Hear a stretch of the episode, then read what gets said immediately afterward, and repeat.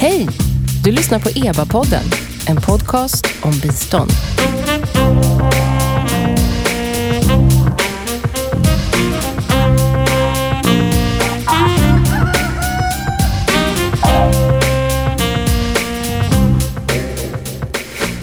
Välkomna till EBA-podden. Jag heter Nina Solomin och det är Expertgruppen för biståndsanalys som ger ut den här podcasten. EBA förkortas det och det är en statlig kommitté som utvärderar och analyserar Sveriges internationella bistånd.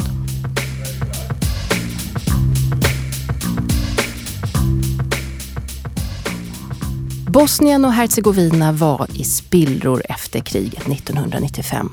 Svenskt bistånd har under mer än två decennier stöttat landets återuppbyggnad, bland annat genom att främja ekonomisk utveckling i landet. Och den delen av utvecklingssamarbetet med Bosnien har EBA låtit utvärdera ganska nyligen. Och det omfattar ett tidsspann på inte mindre än 23 år, det som har utvärderats, alltså mellan 1995 när kriget tog slut och 2018. Och nu säger jag välkommen till en av författarna till den här utvärderingen, Claes Lindahl, konsult på frågor inom internationellt utvecklingssamarbete. Är det så du beskriver dig själv? Det är så jag beskriver mig själv och på annat sätt också, men vi tar det på det viset nu. Ja, jag, har, jag har googlat upp att du har både skrivit romaner och böcker om Drottningholm och Mälaren. Det stämmer. Det var en ovanlig kombination med utvecklingssamarbetes konsulteri. Ja, det beror väl på att man behöver lite avkoppling mellan konsultarbetena som tar rätt mycket tid och mycket ansträngning och kräver en viss form av, av, av tänkande. Var det jobbigt att skriva den här utvärderingen om Bosnien? Det var väldigt intressant. Det var roligt. Det, jag, jag, tycker om Bosnien och Hercegovina och ju mer tid jag tillbringar där desto mer uppskattar jag det landet. Det, det, det är en rolig del av Europa, hela Balkan. Så det var en, det var en stor förmån att, att få göra det här uppdraget tillsammans med eh, ett par stycken till. Ja, precis. Jättebra. Osökt kommer vi in på det. Vi ska ju nämna också att dina medförfattare till den här utvärderingen är Tamara Ivankovic, Mikael Söderbäck och Julie Lindahl. Det stämmer. Eh, Okej, okay, men kan du berätta lite vad det är för slags utvärdering och vad ni har kommit fram till? Det handlar alltså om att se eh, vilka effekter svenskt bistånd för att främja ekonomisk utveckling i Bosnien har haft. En avgörande episod eller avgörande faktor i Bosnien-Hercegovina var uppenbarligen kriget. Landet fanns ju inte tidigare. Det skapades 92. Uh, kriget pågick i tre år och sen kom Daytonavtalet som var det internationella samfundets sätt att, att uh, få slut på kriget och att grundlägga lägga grunden till, till ett nytt land. Uh, och detta har styrt väldigt mycket av utvecklingen i landet. Alltså Daytonavtalet, alltså hur det organiserades så att ja. säga. För Bosnien och Hercegovina fick genomgå tre former av, av förändringsprocess direkt efter kriget. För det första att skapa ett nytt land. För det andra att bygga upp landet efter kriget. Och för det tredje att övergå från, från en kommunistisk ekonomi till en marknadsekonomi. Ja, för ni kommer ju fram till i den här landutvärderingen att 20 procent av det svenska biståndet ger ett bra värde för företagsklimat och privatisering av banker till exempel. Jag tror man kan formulera det på det här viset. att ja.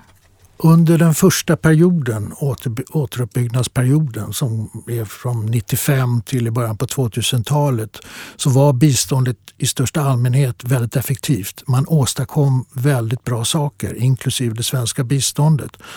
Och det var bland annat att man byggde upp ett, ett, ett bankväsende, man skapade en makroekonomisk struktur som fortfarande fungerar väl och har fungerat väl hela tiden. Man lade grunden för en marknadsekonomi och så vidare. Så att under säg fem, åtta år gjorde man väldigt bra saker. Eh, Vad hände sen då menar du? Ja, för det första så fanns det något som heter The High Representative. Eh, där Carl Bildt var den, den första High Representative. Kanske inte så mycket Carl Bildt, men de som följde honom drev landet. De körde över lokala politiker. De löste problem som, som bosnierna genom den etniska splittring som finns inte förmådde lösa. Efterhand så minskade makten, man, man drog tillbaka den här makten och landet började byggas upp. Och, och i princip det som var meningsfullt att göra hade redan gjorts. Landet var återuppbyggt, ekonomin fungerade och så vidare. Men biståndet eh, fortsatte, inte bara det svenska utan biståndet i största allmänhet har fortsatt. Och då blev det rätt mycket av en rutin. Det blev en, som jag ser det, eller som vi ser det, inte så meningsfulla aktiviteter allt eftersom. Eh, jordbruket är någonting som ni också har utvärderat, alltså stödet till jordbruket. Det var mindre lyckat? Det började som ett sätt att få skapa sysselsättning åt de människor som återvände. All ekonomi var ju sönderslagen. Och då var det någon listig person som kom på att ja, vi måste, dessa människor måste ha någonting att göra för att, för att stanna i landet för att och så vidare. Jordbruksverksamheten fortsatte och fortsätter. Den är fortfarande pågående. Det är en del av, av det svenska biståndet. Och Bosnien Herzegovina är inte ett jordbruksland. Det är inte ett jordbruksland på grund av strukturen, geografin. Det är inte ett jordbruksland på grund av historien. Utan det var ett relativt industrialiserat land och det har man alltså inte riktigt på samma sätt tagit tag i. Och det är väl vår kritik. Hur har ni kommit fram till det här? Har ni gjort intervjuer eller har ni tittat på andra utvärderingar? Eller? Vi har utnyttjat de utvärderingar som har skett av olika organisationer, de rapporter som har skrivits och så vidare. Så det är väldigt mycket en, en, en, utnyttjande av andras synpunkter. Och sen har vi kompletterat det med intervjuer i landet och i Sverige av de som har varit involverade för att, för att få, en, få en helhetsbild. Ja, vi har ju två gäster till här i studion och det är Anders Hedlund som var biståndsråd i Bosnien och Hercegovina från 2006 till 2010, stämmer det? 2011. Till 2011, förlåt. Och Pelle Persson som också varit biståndsråd i Sarajevo och faktiskt direkt efter Anders, så att det var från 2011 till 2014. Ja, välkomna ni med.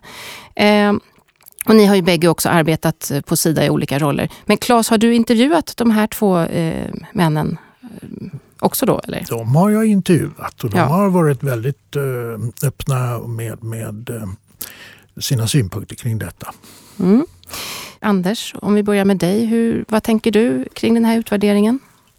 Jag tycker det är en intressant och läsvärd rapport. Som, eh, det är många tänkvärda slutsatser. Men jag har några invändningar. Ja, varsågod. Det här är ju då sammanlagt en miljard kronor som används under de här 23 åren. Men jag tycker då att en tredjedel av de, av de här pengarna, 320 miljoner, inte borde ha varit med i utredningen. Därför att eh, det är just det här stödet som Claes nämnde, nämligen det här som gick till flyktingar, de som återvände till gamla bosättningar som fick växthus eller en ko eller någonting annat för att klara sig. Det kan man säkert ha tittat på i, och fråga sig, fungerar det här som humanitärt bistånd? Fungerar det här som, ett övergångs, som en övergång till, en annan, till ett annat liv?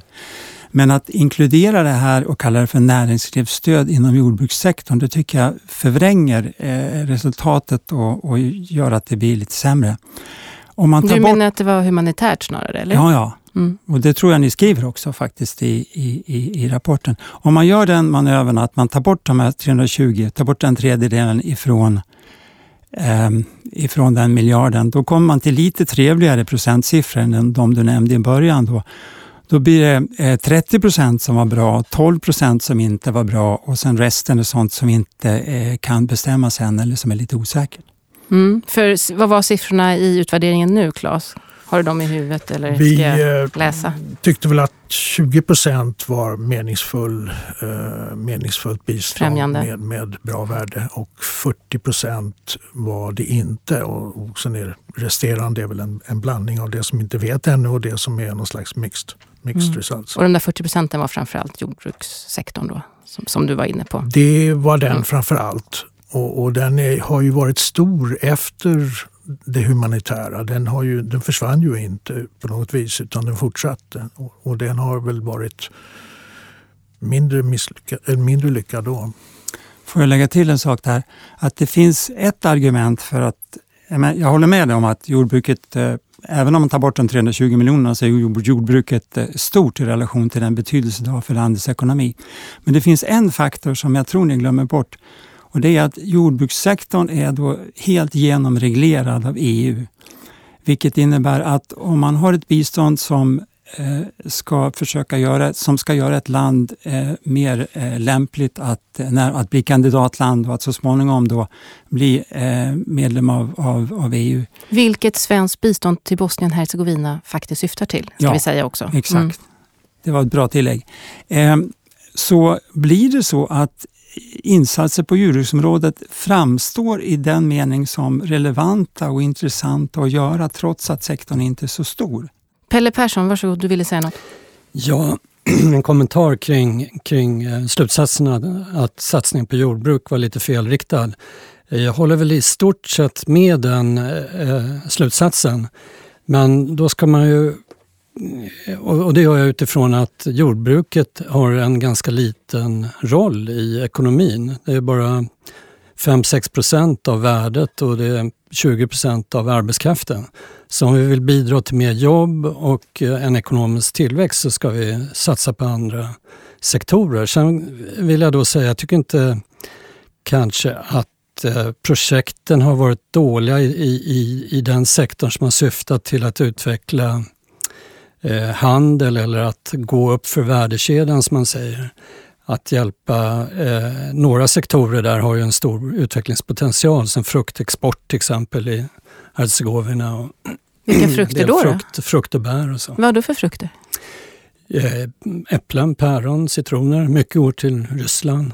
Jag, jag, tänkte, jag ska komma tillbaka till dig Pelle, men, men Anders, eh, vad var det för land du kom till 2006? Kunde du se någon effekt av, av det svenska biståndet dittill så att säga? Ja, fram till dess hade det inte varit särskilt mycket svenskt stöd till ekonomisk utveckling. Eh, eh, det hade varit internationellt stöd för ekonomisk utveckling. Det fanns riksbank och det fanns eh, eh, och så vidare, den typen och banksystemet var på plats. Men det svenska stödet till ekonomisk utveckling det kom egentligen igång eh, då från 2006 och framåt. Och det var det som blev min uppgift att försöka utforma det 2006. Och det var en fantastisk och intressant uppgift där alla i, Sarajevo är, ingen, är ju ingen storstad, det är stort som Göteborg. Det innebär att man har alltså många givare, man har alltså lätt tillgång till alla. Man träffar eh, både duktiga bosnier, Världsbanks, Världsbankschefen, EBRD eh, eh, och så vidare, de andra, de andra bilaterala givarna, vilket gör att det blir en rätt tät miljö där man diskuterar, man vet precis vad de andra, vad de andra sysslar med och vad de prioriterar och man hittar sina nischer i den här i, och prioriterar på det sättet. Så det var en väldigt så här, kreativ, spännande och intressant miljö att vara i och hamna i. Pelle, eh, du kom som sagt var efter, efter Anders eh, till Sarajevo som biståndsråd. Vad tyckte du var svårast i ditt arbete för att få till en vettig ekonomisk utveckling? Ja, jag kom ju dit i ett skede när vi hade fått en ny strategi som Anders hade varit med och utarbeta som där ekonomisk tillväxt och jobbskapande var ett område. Eh, och eh, den största utmaningen för mig det var att förstå eh, de underliggande förutsättningarna för hur politiken och samhället fungerade. Och det är lite det Claes var inne på om att historien från det ottomanska väldet, från kommunisttiden, där man bytte så att säga, tjänster mot lojalitet eh, var, var mycket viktigare än de marknadsekonomiska principer som EU krävde och som de politiska ledarna bekände sig till. Men i själva verket så hade man ganska lite förståelse för att det skulle finnas eh, fristående företag eller att domstolsväsendet inte skulle kunna ställa folk till svars, eh, om jag, om jag ah, överdriver Om man lite. har rätt relation med någon. Det där har ett namn som du nämnde för mig tidigare. Det heter klientelism. Eller hur? Eh, och du gav ju just en rad exempel. Men är det detsamma som korruption eller, eller är det just det här tjänster och gentjänster-grejen som är Ja, om man tittar på Sidas eh, definition på korruption så är det ju definitivt det. Men det är ju inte kanske det som man i vanliga fall tänker sig att man tar mutor för eh, Eh, en upphandling eller så. Vilket också förekommer i och för sig. Men den här, den här, jag tror att det här, den här kulturen som finns i den offentliga sektorn. Den offentliga sektorn är ju över 50 procent av BNP och har alldeles för många anställda som gör för lite, eh, skulle jag vilja säga. Och vi, har ju, vi hade ju andra program som försökte mm. hjälpa till med effektiviseringen. Men, så det är massa kusiner och brorsöner och sånt som är offentliga sektorn? Ja, just det. Det är det. Och det, jag tror att den här funktionen är, är, är mycket starkare än när man pratar om etnicitet i Bosnien. Vad ville du säga Claes? Ja, mitt intryck av att är att, att företagandet i, i Bosnien-Hercegovina är, är det, det, är en hög grad av entreprenörskap där. Det, finns, det fanns redan från början välutbildat folk. Jag träffade många som hade jobbat inom de, de stora jugoslaviska företagen som ju var exportorienterade, som konkurrerade på världsmarknaden och som beskrev att de ville, när kriget var över, de ville starta nya företag. De ville inte starta de gamla företagen, det kunde de inte, men de ville starta egna företag. Och de hade väldigt svårt att få någon form av bistånd. Och där tycker jag är poängen med, med eh, frågan om, om man ska satsa på jordbruk eller om man ska satsa på någonting annat. Det finns ett trade-off. Lägger man alla slantarna på jordbruket så missar man möjligheten att snabbt bygga upp ett, ett, ett nytt industriland. Och det tycker jag alltså var svagheten i, i, i det svenska biståndet. Och att man sen fortsatte på den vägen. Ja, för det här med hjulspår är ju en annan viktig grej. Vad, vad menar ni med det? Alltså ja. att, eh, vad, vad är det för slags fenomen när saker bara kör på för att det är minsta motståndets lag eller att man fortsätter med ett program som inte funkar? När, när eh, Sverige började ge bistånd till eh, återuppbyggnaden av Bosnien-Hercegovina så gjorde man mycket studier, man gjorde mycket analyser, man anlitade väldigt bra och, och kunniga personer och, och, och designade biståndet utifrån den kunskapen. Sen blev det allt mer, tycker vi, än, än att man fortsätter gamla program därför att det är enklare, det kräver mindre resurser, det finns vested interest, det finns konsulter, det finns organisationer som vill fortsätta.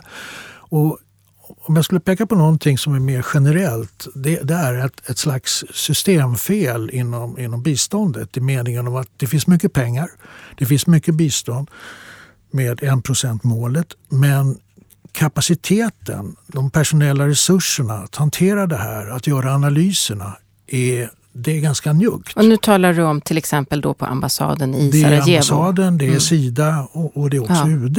Nu vinkar både Pelle och Anders här. Är det er bild också? Om man tittar på de projekt som vi startade 2006-2007 så var det träindustri, metallindustri, IT, turism. Det var det som stod främst. Det var det projekten kom att fokusera på. Och någonstans i den här rapporten står det också att man arbetade i rätt branscher.